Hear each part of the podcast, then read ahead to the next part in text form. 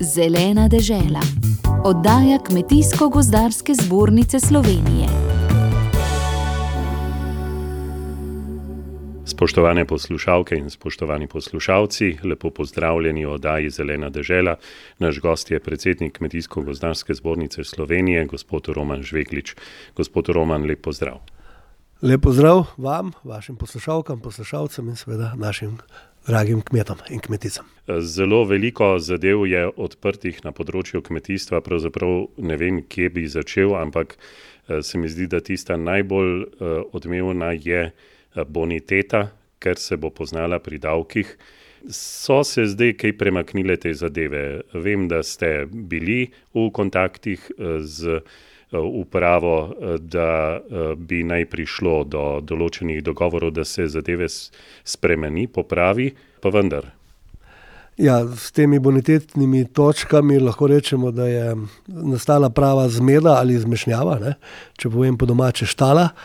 v samem postopku pretvorbe je seveda po našem mnenju Gurs naredil in pravne in postopkovne napake, tako da nismo bili, se pravi, niti mi kot Kmetijsko-gozdarska zbornica, ki bi morali biti po zakonu obveščeni, da se zadeva spreminja in da bi lahko dali kot nevladna organizacija na sam postopek pripombe, nič obveščeni. Seveda, videli smo zadeve na pregledovalniku, ne. Takrat smo seveda takoj odreagirali, imeli dva sestanka na geodetski upravi in potem seveda smo se tudi dogovorili z ministrstvom za finance za čimprejšnji sestanek, ki pa se je v tem trenutku zastal zato, ker so, upam, da tudi na finančnem ministrstvu ugotovili, da ta pretvorba točk, kakor jih je pripravila geodetska uprava, po domače povedano, ne pijejo vode. Zdaj datuma za ta sestanek še nimamo, upam pa, da se bo zgodil čimprej, naša ključna zahteva pa seveda je, da na takšen način se ta pretvorba ne sme narediti, da je pravno neveljavna in da se za letošnje leto, ko se seveda upoštevajo te stopnje davkov iz lanskega tridesetega šestega, pri letošnjih odmerah, naj bo to od nadomestila za uporabo gozdnih cest do ostalih socialnih prispevkov, kakor tudi nenazadnje do zborničnega prispevka, ne smejo upoštevati. torej, če vas prav razumem, tista, tisti sestanki na Geodetski upravi Republike Slovenije niso prinesli kakšnega napredka? Ja, mislim, da sam direktor je zaznal težavo, da nekaj ni v redu, zato tudi sedaj so na ministrstvu za, v odgovoru nam je ministrstvo za finance reklo, da bo sestanek sklicalo takoj, ko bodo, po domače povedano, razčistili vse dileme in te anomalije, ki se strinjajo, da so se zgodile z deležniki, se pravi z Gursom, ministrstvom za kmetijstvo in s finančno upravo. Kako pa morda zdaj potegnemo črto pod to dejstvo. Kras, tam so največje napake, potem Barje, potem strmi tereni, tudi Goričko tam nad Belo krajino, pa še nekatera območja. Gre pa, en skupni imenovalec je, da so to zemljišča, ki so pravzaprav za kmetijstvo manj primerna oziroma kjer so najtežji pogoji za obdelavo.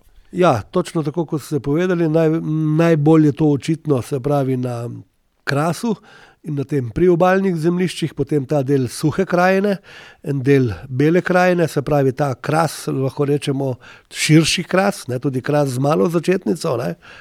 In seveda tam, kjer je predvsem kamen, ne, je to zelo zanimivo, ne. In pa tudi potem še na nekih drugih območjih, kjer so se delale nekaj, neke pretvorbe, ne. V, v preteklosti in zdaj so to kar, kar zaokrožili, ne, tudi recimo, če pogledamo Prekmurje, več so vse njive so v kar na sedemdeset bonitetnih točk, ne. Ni razlik, ne, med, med njivami in ni razlik med njivami in travniki, ne.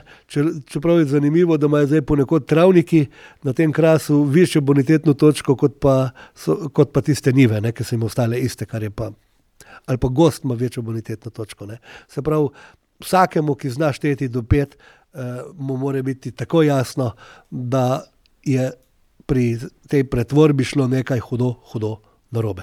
Torej, zdaj, če bo finančna uprava prav to vzela v zakup, za letos pričakujete, da ostanejo zadeve glede na lanske podatke, potem bo pa potrebno se nekaj dogovoriti. Ja, ja seveda, ne, se ni zdaj to, da se zadeva gre. Stvari treba se prav urediti ne, in upam na drugačen način, ne, ne pa kar, kar nekje iz, iz pisarne. Ne. Vemo, mi smo zdaj tudi dobili pedologa, ki bo šel na teren, ki bo pripravil ekspertizo prav tam na tistih območjih, ki zadeve najbolj strižejo, ne? kajti tako je, tak je postopek ne? dobivanja bonitetnih točk. Strokovnjaka, ki ima za to licenco, ki je za to usposobljen, ki ima znanje, in potem se pravi on na terenu, na licu mesta, eh, določi, eh, kakšne so te bonitete in se pravi po domače povedano, koliko je zemlja primerna za kmetovanje ali pa koliko ima gost enega potencijala. Ne? Torej, ta zgodba se bo vsekakor še odvijala. Eh, pred nami je eh, nova subvencijska kampanja. Vemo, letos se bo začela z zamikom, eh, tam okrog 1. aprila oziroma 31. marca.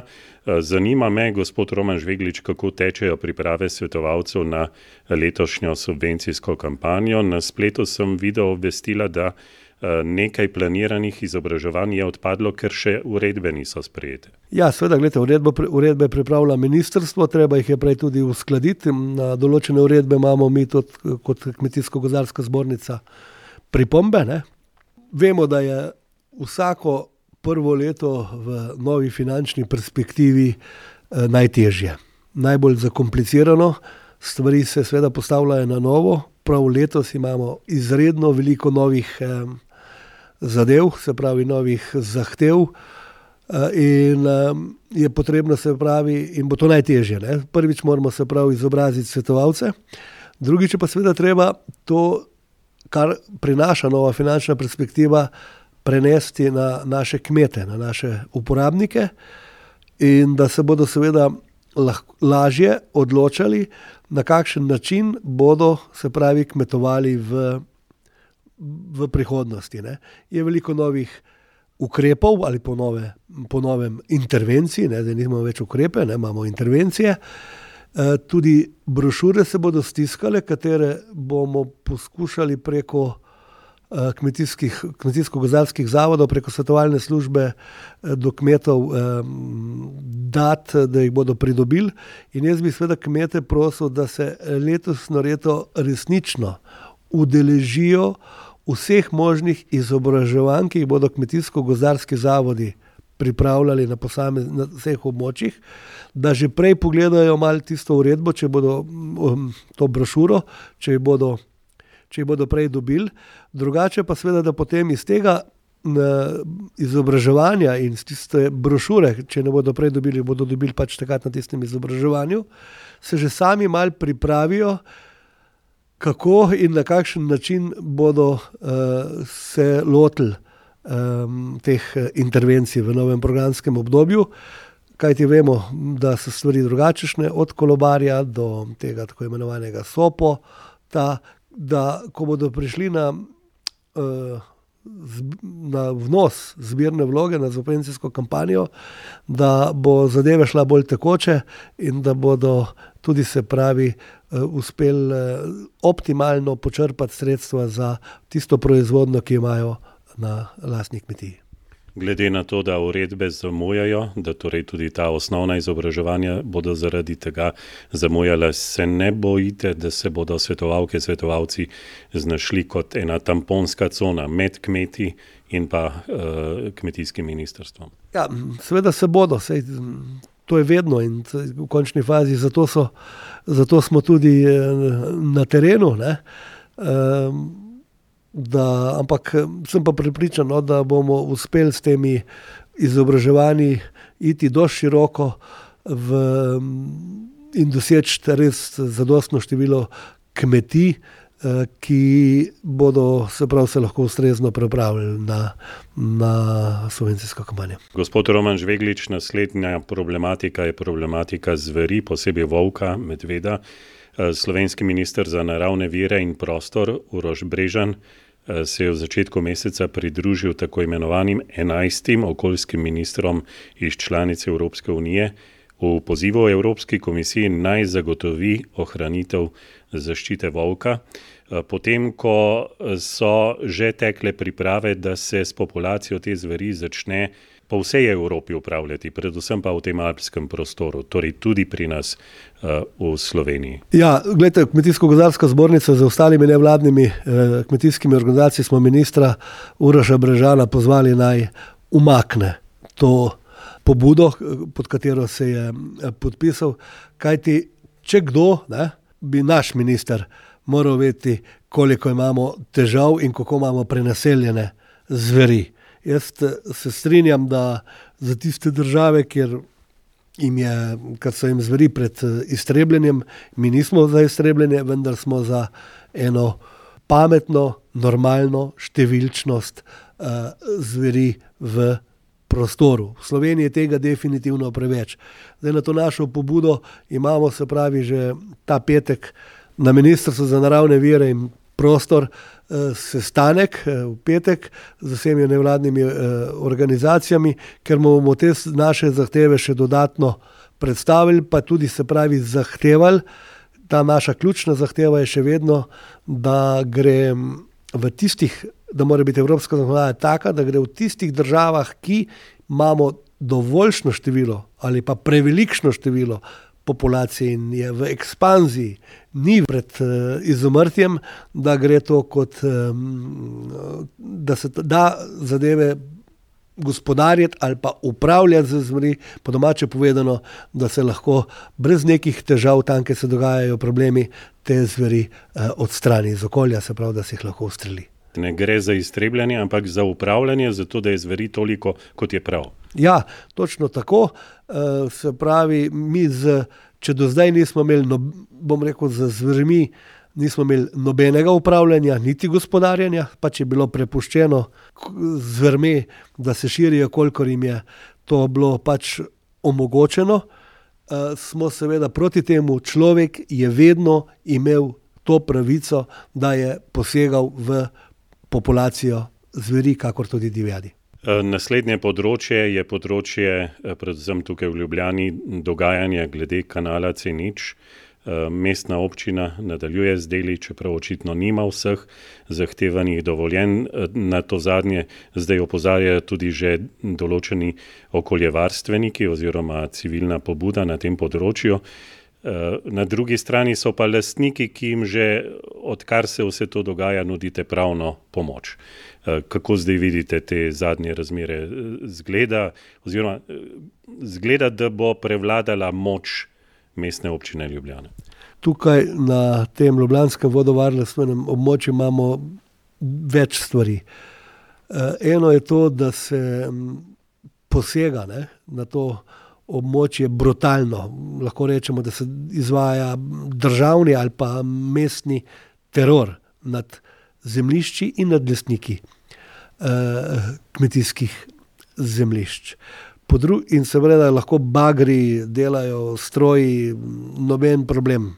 Po drugi strani pa imamo seveda sklep ustavnega sodišča, ki je zadržalo um, tako imenovano uredbo o, o minimalnih vrednostih fitofarmacevskih sredstev in je prepovedalo na tem istem območju eh, popolno prepoved, eh, do, se pravi, do končne odločitve, prepolno prepoved uporabe fitofarmacevskih sredstev. To je naredilo lani poleti. Mi smo takrat takoj pozvali in ustavno sodišče, in ministrstvo, takratno ministrstvo za okolje in prostor, in ministrstvo za kmetijstvo, da naj izdajo navodilo, kaj naj kmetje tam sejejo, sadijo in na kakšen način naj kmetujejo. Iz osnovnega sreča smo dobili odgovor, da bodo to poskušali narediti čim prej. Se pravi, ustavno sodišče tega ne obravnava prednostno. Zdaj smo se pravi že dobrega pol leta po tej začasni odredbi in se ni zgodilo nič. Zato bomo mi v tem tednu ponovno pozvali in ustavno sodišče, kakor tudi oba pristojna ministrstva po čim prejšnjem uh, rešitvi tega problema. Kaj ti kmetom na zaradi te, tega sklepa ustavnega sodišča, se pravi, ne smejo kmetovati, ne pripada jim nobena ve, druga odškodnina, razen tista, ki pripada za kmetovanje na vodovarstvenem območju, ne vejo, katero seme lahko uporabijo, se pravi, fitofarmacevskih sredstev, pa tako in tako eh, nobenih, ne, se pravi, tudi tistih, ki so dovoljena v ekološkem kmetovanju, ne, se pravi, na drugi strani ne, pa z, ve, z ogromnimi bagri, ki imajo vem, rezervoarje po tisoč litrov nafte, ki jim spušča olje, ki jim eh, teče nafta tam med vsakem, vemo, kako to izgleda na gradbišču, ne, pa se, se pravi, po domače povedano, dela na tem. Eh, eh, zemljiščih, na teh vodovarstvenih območjih, tako kakor počne svinja z mehom. Zato se pravi v Kmetijsko-gozarski zbornici, seveda, temi prizadetim kmeti, mi smo z njimi stalno v navezi, nudim so pravno pomoč in sedaj seveda eh, lahko povem, da pripravljamo tudi pritožbo na ustavno sodišče. Ne? Če je lahko tam pri fitofarmacevskih sredstvih ustavno sodišče eh, ad hoc in takoj prepovedalo začasno uh, uporabo fitofarmacevskih sredstev, bi moralo tudi tukaj ad hoc in takoj zaščititi uh, lastnino, uh, kmete, kakor tudi pitno vodo. Eh, če na koncu pogledamo še enkrat na področje obdavčitve, eh, tudi v Kmetijsko-gozdarski zbornici Slovenije ste svoje članice, člane pozvali, da podpišejo peticijo, po drugi strani pa pritiskate na ustavno sodišče, da bi eh, vendarle prišlo do odločitve na tem področju. Zdaj zadržanje te zakonodaje ni predvideno, torej se čaka ustavno sodišče. Ja, Kmetijsko-gozdarska zbornica je pristopila v tem celi paleti nevladnih kmetijskih organizacij, ki smo se podpisali pod to pobudo uh, in tudi pod um, to spletno peticijo. Mi še vedno pozivamo uh, naše člane, da seveda se tle uh, podpišejo. Mi seveda čakamo in ustavno sodišče je rekel, da bo to obravnavalo absolutno prednostno, ni, ga, ni zadržalo zakona, se pravi zakon velja in um, upamo, da bo ustavno sodišče čim prej o zadevi pač razsodlo, kajti ko bo ustavno sodišče razsodilo, potem seveda se lahko delajo določeni popravki tudi v državnem zboru. Torej, do takrat pa gredo zadeve naprej in se bo to lahko že poznalo letos pri dohodnini? E, letos ne, drugo leto ne, kajti zakon je začel veljati s prvim prvim ne, in le, pri letošnji dohodnini je, je davčna osnova, se pravi lansko leto. Gospod Roman Žveglič, hvala lepa za vsa ta pojasnila, vse dobro. Ja, hvala vam in lepo zdrav poslušalkam in poslušalcem.